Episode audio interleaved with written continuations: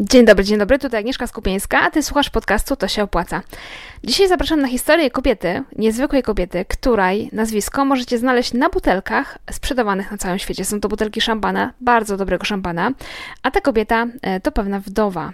Zapraszam na kolejną historię z cyklu Co za człowiek.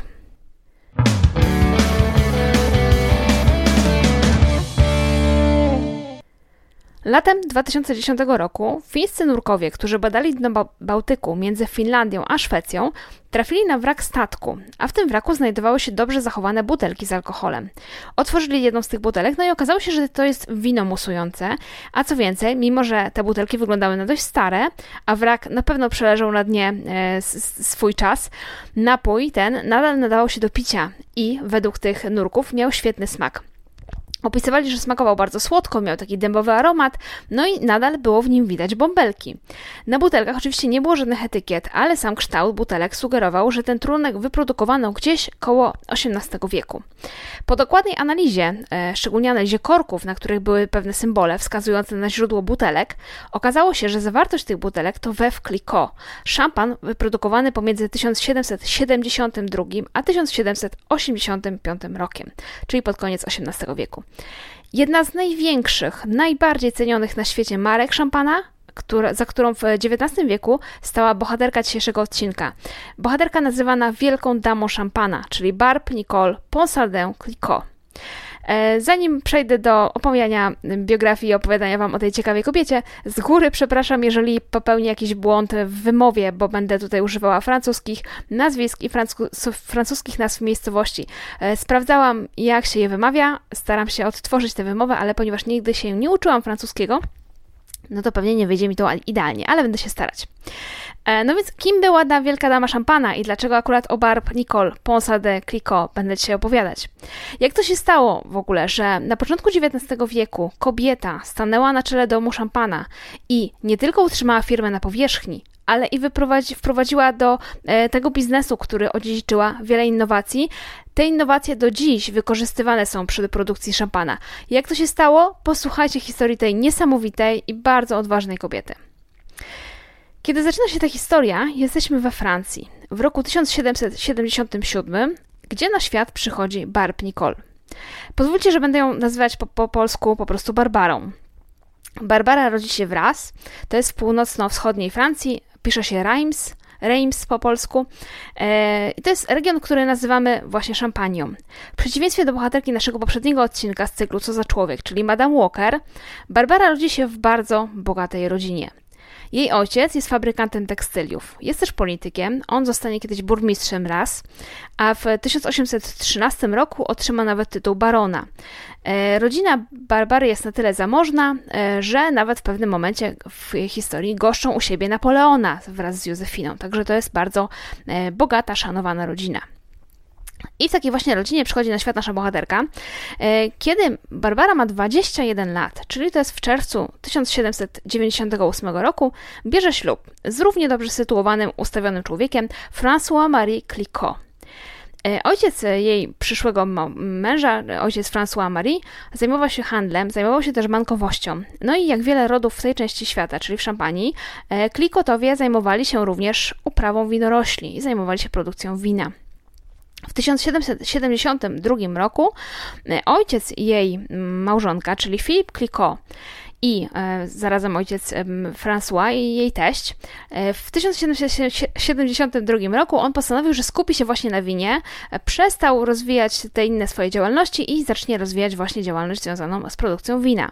No a trzeba powiedzieć, że działał facet z rozmachem, dlatego że od razu wiedział, że trzeba wino eksportować i zaczął od wysyłania swojego wina do Wenecji, potem przyszła kolej na Szwajcarię, potem wysyłał także do Niemiec, do wysp, na Wyspy Brytyjskie i nawet eksportował wino do USA i na rynek rosyjski. Cały czas jesteśmy w XVIII wieku. Wyobraźcie sobie, jak musiało wyglądać, e, musiało to wyglądać od strony eksportu, jak długo musiało to wino e, iść i jak to musiało być trudne w tych czasach. I e, właśnie on eksportował to wino do USA, na rynek rosyjski e, i e, czy wtedy właśnie zatonął ten statek, który miał e, te butelki, o których mówiłam na początku, te butelki na pokładzie? E, tego nie wiadomo. Prawdopodobnie butelki pochodziły z czasu, kiedy właśnie e, Filip Clicquot eksportował wino, natomiast niewykluczone, że one za, za, zatonęły trochę później i sam szampan pochodził już z czasów właśnie barb, ale nie wyprzedzajmy faktów. Prawdopodobnie wiadomo o tym tyle, że ten szampan, e, który miał do, dopłynąć do Rosji właśnie, on nie był przeznaczony dla Rosjan, dlatego że e, Rosjanie lubili znacznie słodsze trunki.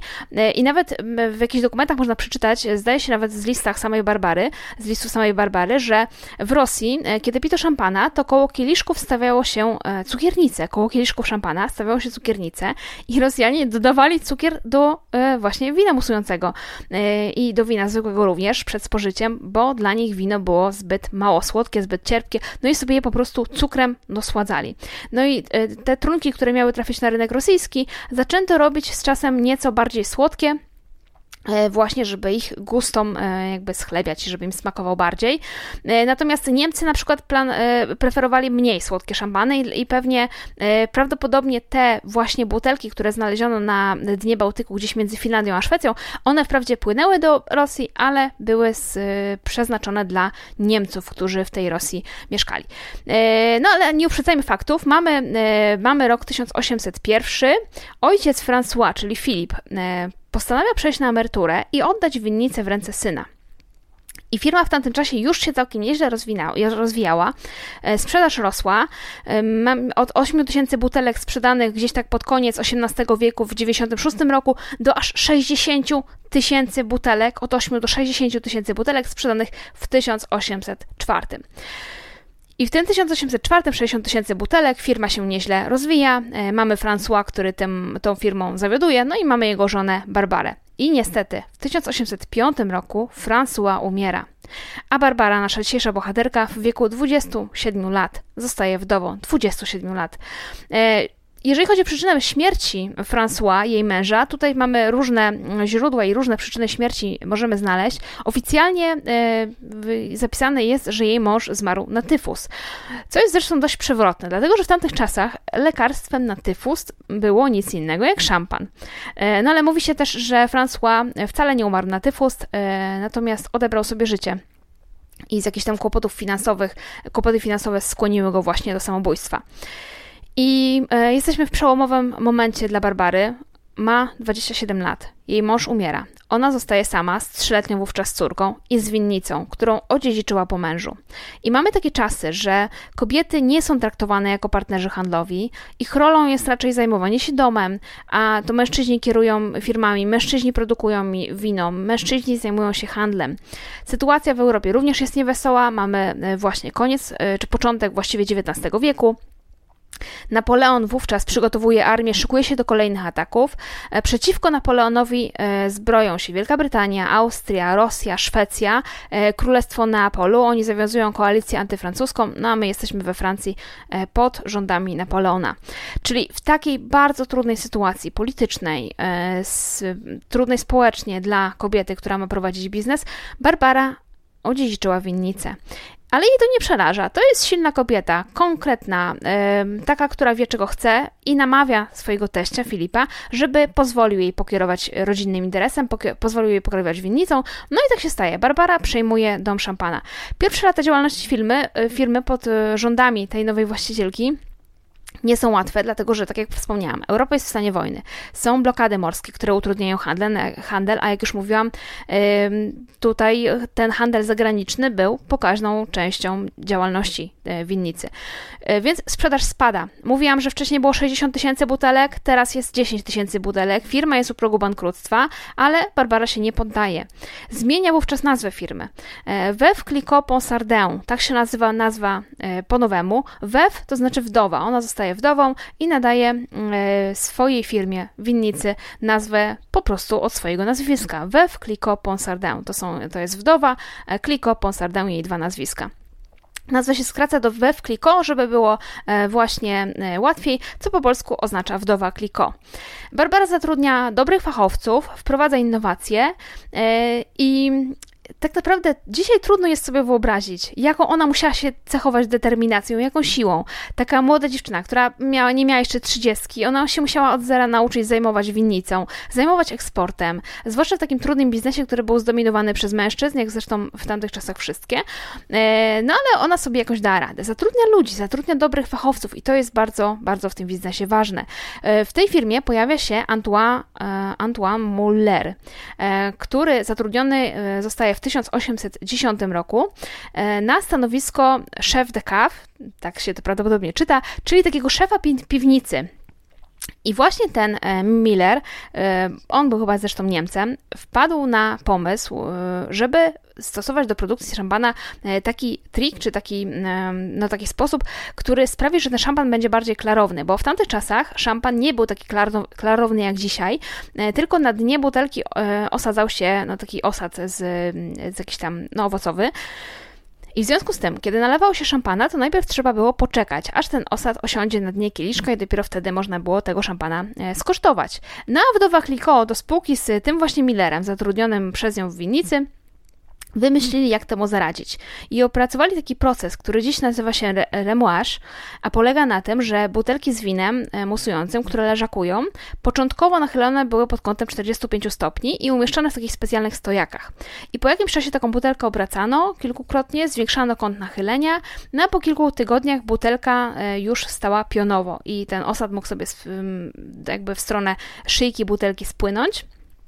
Cały ten proces obracania butelek trwał nawet 8 tygodni, no ale po takich zabiegach, kiedy ten osad sobie już w stronę e, korka e, powędrował, można było tę butelkę na chwilkę odkorkować i ten osad z niej usunąć. I dzięki takim zabiegom szampan we wkliko był klarowny i ta metoda właśnie wdowy Gliko została wkrótce, e, no nie tak bardzo wkrótce, ale została e, wykorzystywana, była wykorzystywana w wielu innych domach szampana i e, podobno jest wykorzystywana nawet do dziś, tylko że trochę ulepszona. Oczywiście nie było tak od razu, że e, od razu yy, wszystkimi, z wszystkimi się podzieliła swoją metodą, no bo dzięki temu, że ona opracowała taki system, to jej szampan był klarowny, a szampany innych nie, więc podobno przez 15 lat udawało jej się w tajemnicy utrzymać ten wynalazek yy, i mówi się, że to dlatego, że ona się dzieliła zyskami ze swoim personelem, więc miała na maksa lojalnych pracowników. Nikt nie chciał zdradzać jej metod y, innym producentom wina z okolicy, no i dzięki temu jej firma rozrosła się y, i ona mogła kupować kolejne, kolejne obszary, kolejne winnice i tą firmę rozwijać. Ale to jeszcze nie jest koniec innowacji, które na rynek szampana wprowadziła Barbara to jej zawdzięczamy różowego szampana, bo wcześniej szampan w tym kolorze powstawał przez dodanie soku z czarnej porzeczki, ale wdowa wymyśliła, żeby mieszać y, białe wino i czerwone wino. No i dzięki temu tak właśnie produkowany jest różowy szampan we Wkliko. E, jeszcze jedna innowacja, którą e, firma mm, Wewkliko zawdzięcza właśnie Barbarze, to jest taka charakterystyczna żółta etykieta na butelkach, która w 1877 e, roku została zarejestrowana jako znak towarowy. Patrzcie, 1877 rok i ona już pomyślała o tym, że żółtą etykietę trzeba zarejestrować jako znak towarowy. Ona o tym pomyślała, albo jacyś jej doradcy, bo właśnie mówiłam o tym, że rękę do personelu to ona miała ale to też świadczy o tym, jak ona mądrze do tego biznesu podchodziła. Zdawała sobie sprawę, że e, ten rynek jest pełny podróbek, że e, już trafiają na przyjęcia jakieś podróbki jej szampanów i musiała odróżnić swoje produkty od tych właśnie, które z tą jakością we wkliko nie mają wiele wspólnego i zarejestrowała tą etykietę.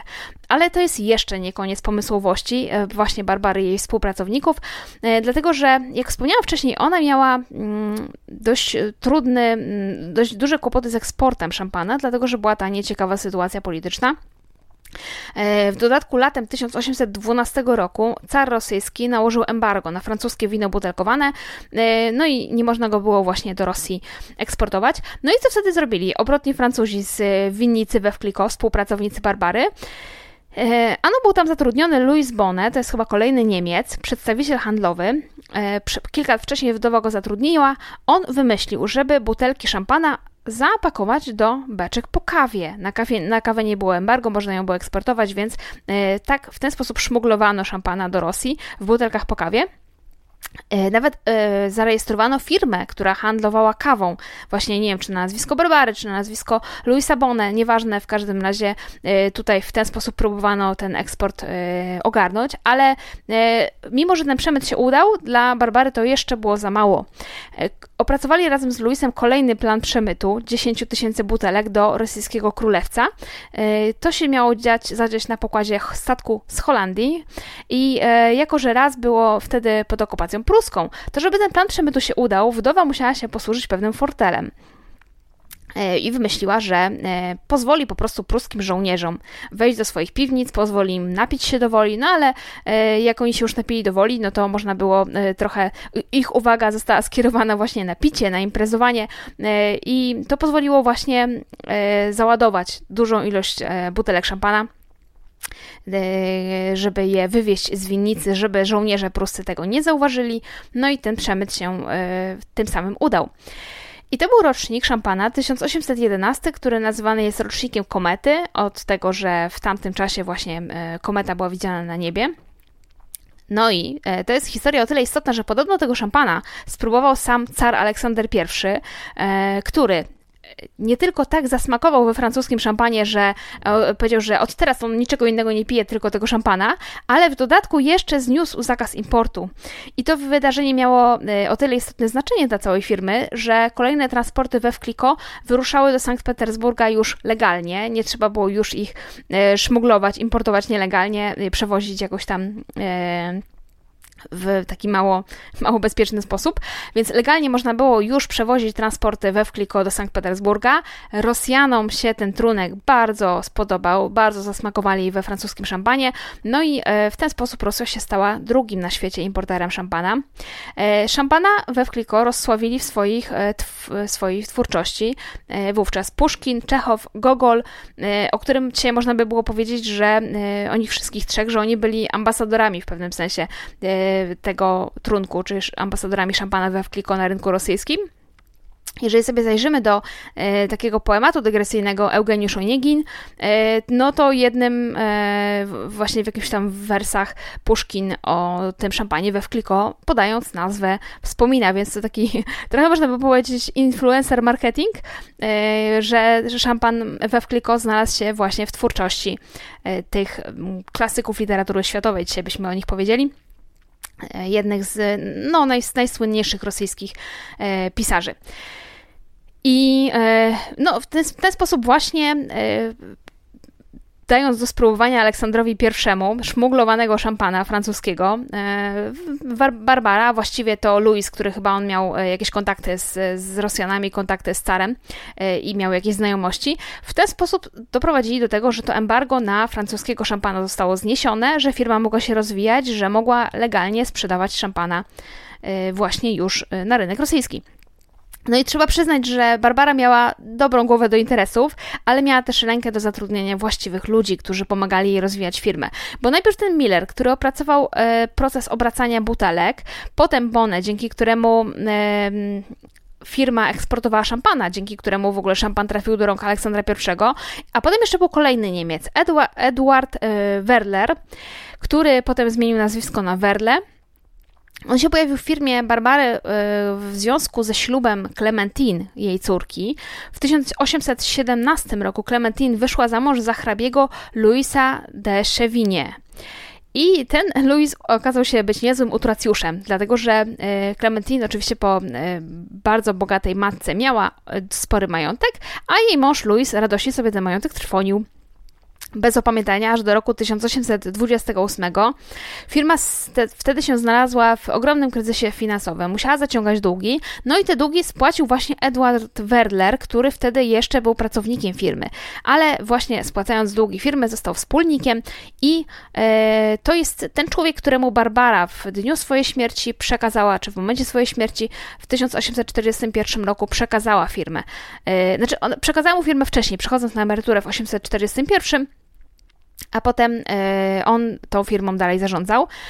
E, ale mimo, że ona w 1841 roku przeszła na emeryturę, to jeszcze do samej śmierci w wieku 89 lat stale interesowała się tym, co się dzieje w jej przedsiębiorstwie, e, w firmie, w które włożyła tyle serca, tyle pracy i tyle zaangażowania. I jeszcze jedna ciekawostka o tym mężu Clementine, e, która nawiasem mówiąc, Clementine sama nie chciała przejąć firmy po śmierci matki, jest taka, że e, Louis wydał pikantną książeczkę z opisami swoich romansów. E, rzecz jasna nie tylko z opisami tego, co robił z Clementine, ale z różnymi innymi swoimi kochankami. Ta książeczka była zdecydowanie przeznaczona dla dorosłych czytelników. I to musiał być na tyle wstydliwy epizod w życiu Barbary, że wdowa Kliko wykupiła cały nakład i zdecydowała się go zniszczyć, żeby e, no, z tego skandalu w miarę możliwości uniknąć. No i tak, kiedy Barbara umierała, y, firma we Wkliko sprzedawała rocznie 750 tysięcy butelek szampana. Czyli zobaczcie, jak bardzo jej się udało tę firmę rozwinąć. Od 60 e, tysięcy, kiedy odziedziczyła firmę, e, przez to, kiedy 10 tysięcy sprzedawała w jakichś czasach kryzysu, do 750 tysięcy butelek szampana sprzedawanych rocznie. Na zakończenie jeszcze chciałabym kilka słów powiedzieć o tym, jakie możemy dla siebie wyciągnąć e, wnioski, jakie lekcje możemy dla siebie wyciągnąć z historii życia i z historii biznesu Barb Nicole Ponsarde Clicquot, czyli Wielkiej Damy Szampana. Po pierwsze, początki bywają trudne i nie ma się co zrażać. Barbara objęła zarządzanie firmą w bardzo młodym wieku. Po traumatycznym przeżyciu, jakim na pewno musiała być dla niej strata męża, w dodatku w takich niesprzyjających e, warunkach politycznych, takich warunkach e, w świecie, w którym biznes prowadzili mężczyźni, a nie kobiety. Kobiety w biznesie nie miały nic do powiedzenia. Prowadzenie biznesu w tamtych czasach przez kobietę to było nie lada wyzwanie, chociażby dlatego, że mężczyźni niechętnie z kobietami handlowali. Bankierzy którzy, którymi również byli oczywiście mężczyźni, nie chcieli dawać e, kobietom kredytu. To już wszystko znamy z poprzedniego odcinka i z historii Madame Walker, e, ale Barbara miała na tyle silny charakter, że przekonała teście, że da sobie radę z odziedziczoną firmą i faktycznie sobie radę dała. Ale e, drugi wniosek i drugą lekcję, którą możemy wyciągnąć e, z jej historii, jest taka, że ona nie dała sobie rady sama. Ona zatrudniała ludzi, którzy swoim doświadczeniem e, i ze swoimi kontaktami byli dla niej nieocenionym wsparciem. I to jest właśnie taki drugi wniosek. Właściwi ludzie we właściwym miejscu mogą ci pomóc w biznesie bardziej niż się tego spodziewasz. I warto inwestować w dobrych fachowców, warto inwestować w dobrych ludzi. I trzecia lekcja, jaką ja zapamiętam z tej historii, jest taka, że Prowadzenie firmy przez lata to jest tak naprawdę nieustanne radzenie sobie z kryzysami. Na Twoją działalność mają wpływ takie czynniki zewnętrzne, na które Ty nie masz wpływu, jak chociażby sytuacja polityczna. E, problemy mogą się pojawiać z różnych stron. Czasami odnosi się sukces, sprzedając duże zamówienie, a czasami trzeba walczyć na przykład z nieuczciwą konkurencją, która będzie kopiować nasze pomysły, e, która będzie sprzedawać podróbki, która mm, będzie zarabiać dzięki naszej marce, którą już wyrobiliśmy z jakimś wielkim trudem i czasami przyjdzie nam się zmierzyć z kryzysami finansowymi. Trzeba się przygotować, że, że tak to już jest po prostu w biznesie. Mamy górki i dołki, mamy sukcesy i porażki, a ten cały rozwój firmy to nie jest sprint, tylko to jest maraton. I tak wygląda właśnie ta historia, że e, kobieta, która odziedziczyła firmę w wieku 27 lat, e, ta jej historia to nie jest pasmo sukcesów, to nie jest e, historia od zera do milionera, to nie jest historia, że zarobiła, e, zaczęła sprzedawać 100 tysięcy butelek w tydzień, to jest historia sukcesów i upadków, to jest historia, e, w której czasem coś się nie udało, czasami trzeba było użyć sprytu, czasami trzeba było trochę na granicy prawa. Czasami trzeba było mieć dobrych ludzi wspierających i mądrych koło siebie i konsekwentnie działać, żeby firmę rozwijać. I na zakończenie wrócimy jeszcze do butelek szampana, które zostały znalezione na dnie Bałtyku, od których zaczęłam ten odcinek. E, mówi się, że wdowa Kliko stawiała na jakość i w różnych źródłach znajdziemy jej podobno słynne powiedzonko, że interesuje ją tylko jedna jakość, najwyższa. I być może dlatego szampan, który w, tysiąc, który w 2010 roku został znaleziony w tym wraku, ten szampan nadal smakował dobrze. Szacuje się, że właśnie został wyprodukowany za czasów, kiedy domem szampana rządziła wdowa, i dzisiaj, po latach, każda z tych butelek znalezionych na dnie Bałtyku warta jest około, uwaga, 220 tysięcy złotych. I to tyle o życiu i działalności we Wkliko, a raczej o filmie, o firmie Niezwykłej Wdowy. Jeżeli podobał Ci się ten odcinek i też chcesz posłuchać kolejnych odcinków o inspirujących, ciekawych ludziach, podziel się proszę tym odcinkiem w sieci, e, tam gdzie możesz. Udostępnij go na Instagramie, na Facebooku, poleć znajomym. Każde polecenie jest dla mnie na wagę złota, dlatego że pozwala mi docierać do większego grona odbiorców z moim podcastem e, i daje mi też motywację taką do kręcenia, do nagrywania, do kolejnych odcinków. I dzisiaj dziękuję za wysłuchanie tego odcinka i do usłyszenia e, za jakiś czas. Trzymajcie się, cześć.